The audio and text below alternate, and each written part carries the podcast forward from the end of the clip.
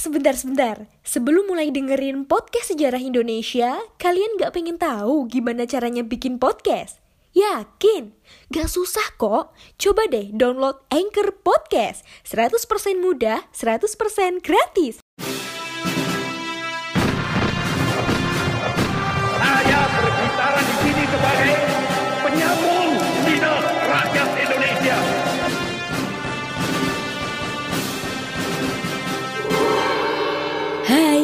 Kalian sedang mendengarkan Poseidon, podcast sejarah Indonesia. Ngomongin masa lalu dengan gaya masa kini. Assalamualaikum warahmatullahi wabarakatuh. Salam jumpa kembali Salam sejarah Salam sejahtera untuk kita semua. Apa kabar kalian? Semoga dalam keadaan sehat walafiat tanpa kurang suatu apa pun. Kali ini kalian kembali ngedengerin podcast Sejarah Indonesia Podcast yang akan bikin kalian gagal move on pastinya. So sesuai dengan janji saya Kita akan ngelanjutin episode kemarin Yang sempat terpotong karena bahasannya terlalu panjang. Jadi kita masuk di part 2-nya aja kali ya.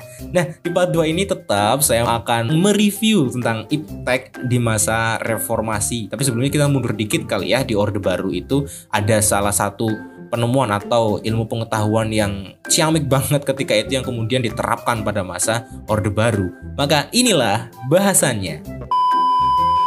Revolusi hijau teman-teman. Pasti kalian uh, sedikit banyak ngerti kali ya atau misalkan mau mau lebih googling lebih dalam silahkan. Tapi jangan khawatir saya jelasin. Perkembangan ilmu pengetahuan dan teknologi dalam sektor pertanian di Indonesia kala itu tidak lepas dari perkembangan sektor industri pertanian. Perkembangan ilmu pengetahuan dan teknologi pertanian di dunia ditandai dengan munculnya revolusi hijau. Munculnya beberapa teknik pertanian pada abad ke-17 dan abad ke-18 dapat dilacak dari jenis tanaman baru dan beberapa perubahan ekonomi. Perubahan-perubahan di bidang pertanian sebenarnya telah berkali-kali nih terjadi dalam sejarah kehidupan manusia yang biasa dikenal dengan istilah revolusi atau perubahan dalam bidang pertanian itu dapat berubah secara cepat model seperti itu. Nah, perubahan ini ditandai dengan perubahan peralatan pertanian, perubahan rotasi tanaman, perubahan sistem pengairan dan uh, yang lainnya. Usaha ini ada yang cepat dan juga ada yang lambat. Usaha yang cepat ini tadi yang saya sebutkan adalah tentang revolusi, yaitu perubahan yang menyangkut masalah pembaruan teknologi pertanian dengan peningkatan produksi pertanian baik secara kuantitatif maupun kualitatif. Sedangkan revolusi hijau merupakan bagian dari perubahan-perubahan yang terjadi dalam sistem pertanian pada abad sekarang ini. Lahirnya revolusi hijau ini melalui proses yang sangat panjang dan akhirnya meluas ke wilayah Asia dan juga Afrika. Revolusi hijau mulai mendapat perhatian setelah Thomas Robert Malthus di tahun 1766 sampai 1834 mulai melakukan penelitian dan memaparkan hasilnya. Malthus ini adalah salah satu penemu teori tentang perkembangan uh, manusia. Kemiskinan terjadi karena pertumbuhan penduduk dan peningkatan produksi yang banyak, produksi pangan ketika itu tidak seimbang. Pertumbuhan penduduk lebih cepat dibandingkan dengan peningkatan hasil pertanian. Malthus ini berpendapat bahwa pertumbuhan penduduk itu mengikuti deret ukur. Ingat ya, satu 2, 4, 8, 16, 31, 64 dan seterusnya jadi kelipatan-kelipatannya seperti itu. Nah, sedangkan hasil pertanian mengikuti deret hitung 1 3, 5, 7, 9, 11, 13, 15 dan seterusnya. Jadi pertumbuhan penduduk dengan pertumbuhan pangannya ini uh, jauh sekali gitu di mana pertumbuhan penduduknya uh, lonjakannya tinggi, kurvanya naiknya tinggi sekali sedangkan kurva dari pangan ini pertumbuhan pangan itu landai modelnya seperti itu. Jadi ini akan mengkhawatirkan sekali apabila nanti terjadi sebuah kekurangan, kekurangan bahan makanan dan yang lainnya seperti itu.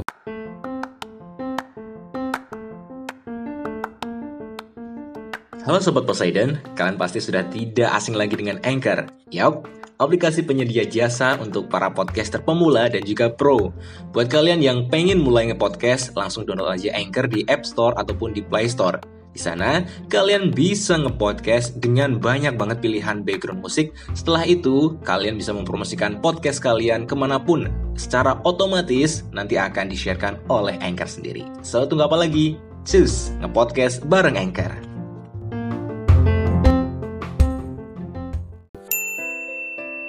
Revolusi hijau ini adalah proses keberhasilan para teknologi pertanian dalam melakukan persilangan atau breeding antar jenis tanaman tertentu sehingga menghasilkan jenis tanaman unggul untuk meningkatkan produksi bahan pangan. Jenis tanaman unggul itu mempunyai ciri berumur pendek, memberikan hasil produksi berlipat ganda, dan mudah beradaptasi dalam lingkungan apa pun. Nah, eh, ciri-ciri tadi yang saya sebutkan itu memenuhi syarat antara lain yang pertama adalah selama itu tersedia cukup air. Yang kedua adalah pemumpukannya harus teratur. Yang ketiga tersedia bahan kimia pemberantas hama dan penyakit serta tersedia bahan kimia pemberantas rerumputan pengganggu. Revolusi hijau dapat memberikan keuntungan bagi kehidupan umat manusia, tetapi juga memberikan dampak negatif bagi kehidupan umat manusia juga.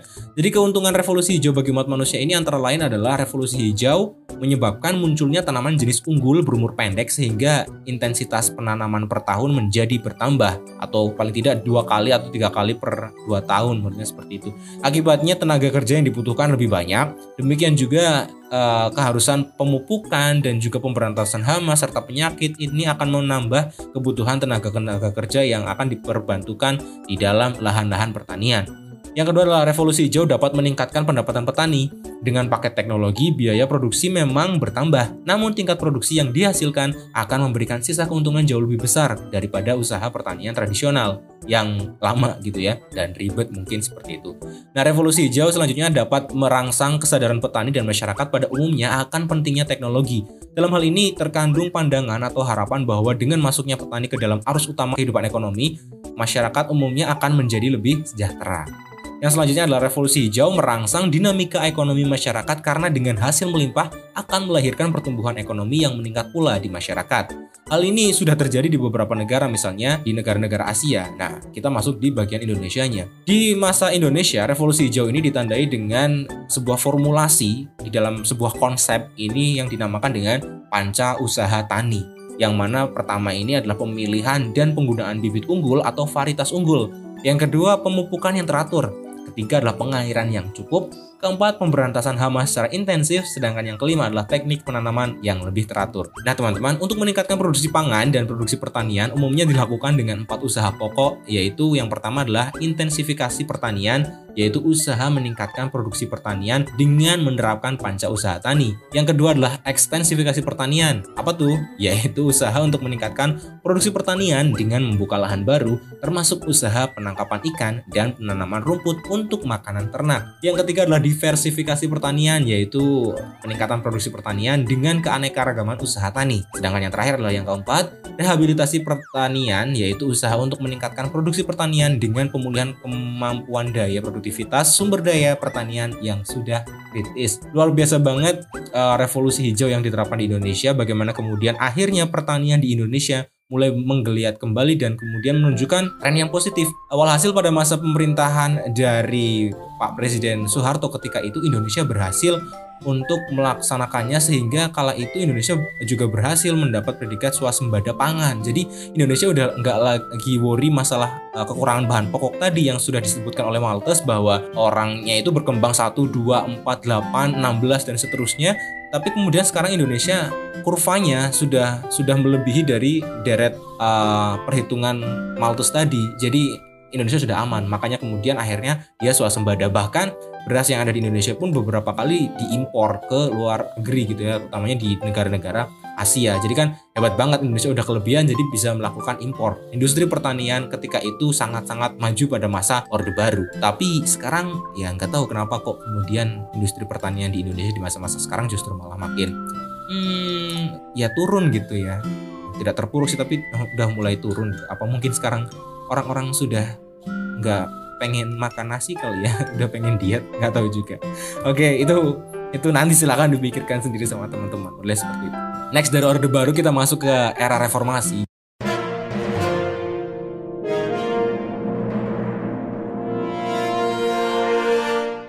Hai teman-teman, saatnya kita masuk di segmen History Flash.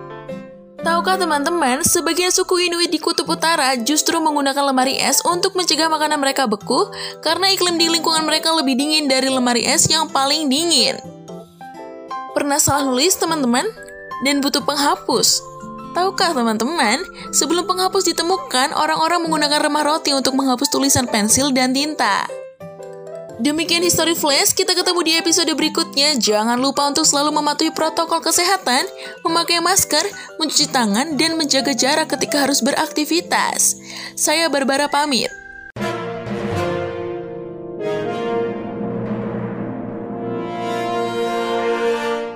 Di era reformasi ini kita tahu teman-teman semua teknologi sudah mulai terbarukan, sudah mulai canggih, sudah mulai maju. Seiring perkembangan zaman, ilmu pengetahuan dan teknologi, eh, teknologi pada masa ini mengalami perubahan baik dalam ilmu pengetahuan teknologi yang semakin modern ataupun teknologi yang uh, bersifat inovasi. Pada awalnya perkembangan iptek di masa reformasi mengalami kendala akibat berkurangnya porsi anggaran yang disebabkan oleh krisis moneter di tahun 1998. Tapi sejak tahun 2008 terjadi krisis kredit rumah yang terjadi di Amerika Serikat mengakibatkan Indonesia mengalami peningkatan ekonomi dan berbarengan peningkatan pengembangan riset dan juga teknologi meningkatkan prestasi belajar Indonesia dalam Olimpiade internasional baik dalam bidang ilmu pengetahuan maupun bidang teknologi.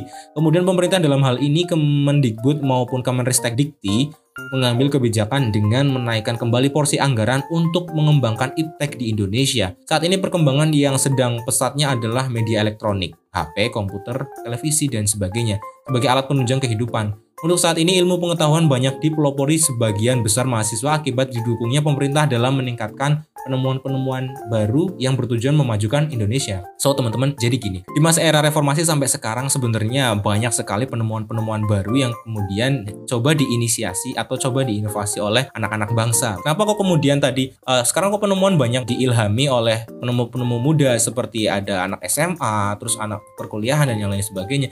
Ya karena memang tadi kebijakannya adalah bagaimana Kemendikbud dan Kemenristek Dikti memberikan anggaran lebih bagi mereka yang ingin menciptakan sebuah riset untuk mengembangkan uh, ilmu pengetahuan dan teknologi di Indonesia kala itu. Tapi teman-teman sekali lagi, apa pun yang kemudian bisa diciptakan di Indonesia, apa pun yang kemudian menjadi temuan di Indonesia, entah itu iptek dan yang lain sebagainya, marilah sama-sama kita hargai karena sekali lagi Indonesia ini terkadang kurang menghargai apa yang diciptakan di negara kita sendiri. Kita lebih cinta dengan produk-produk luar negeri. Oke nggak apa-apa cinta produk di luar negeri nggak masalah, tapi cintai juga produk-produk dalam negerinya kita gitu. Jadi jangan kok sampai orang-orang yang melakukan riset di Indonesia dan memiliki penemuan-penemuan hebat itu justru mereka akan pindah untuk mencari pengakuan dari negara-negara lain. Kan itu akan sayang sekali ya teman-teman bagaimana kemudian agar uh, Indonesia ini juga bisa bersaing harusnya dengan orang-orang di luar negeri sana agar ya kita paling tidak diakui bahwa kita itu tidak hanya bangsa-bangsa yang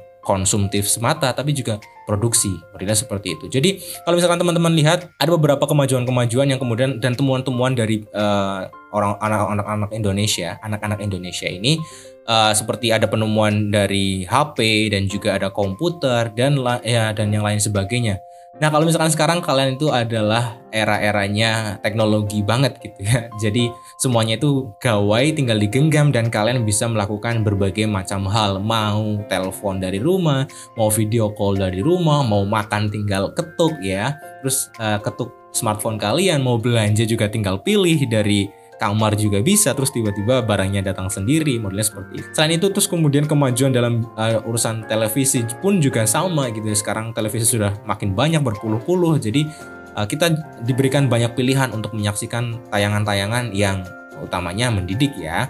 Dan yang selanjutnya adalah kemajuan di dunia internet.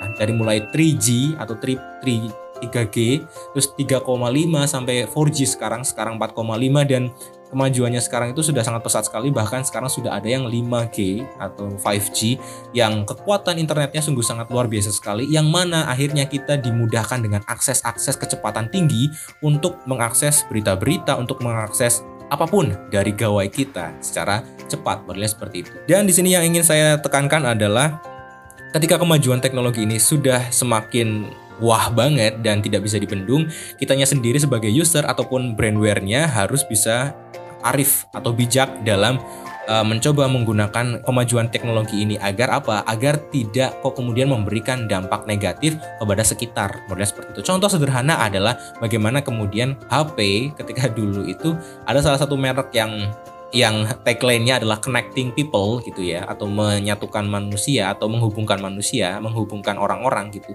Tapi sekarang jangan sampai kok kemudian HP atau smartphone ini justru akan separate people. Jadi jadi akan memisahkan manusia nggak seperti itu. Jadi semoga sih uh, dengan adanya pengkemajuan iptek dan yang lain sebagainya kita tetap bijak dan arif dalam menghadapi kemajuan dan juga perkembangan serta adanya inovasi-inovasi baru dalam dunia teknologi. Jangan sampai kemudian teknologi justru membelenggu kita ke dalam jurang yang jauh ya tentang kemajuan sebuah bangsa. Modelnya seperti itu. Marilah sama-sama kita dorong bersama agar teknologi Indonesia lebih maju dan lebih bisa bersaing di taraf internasional.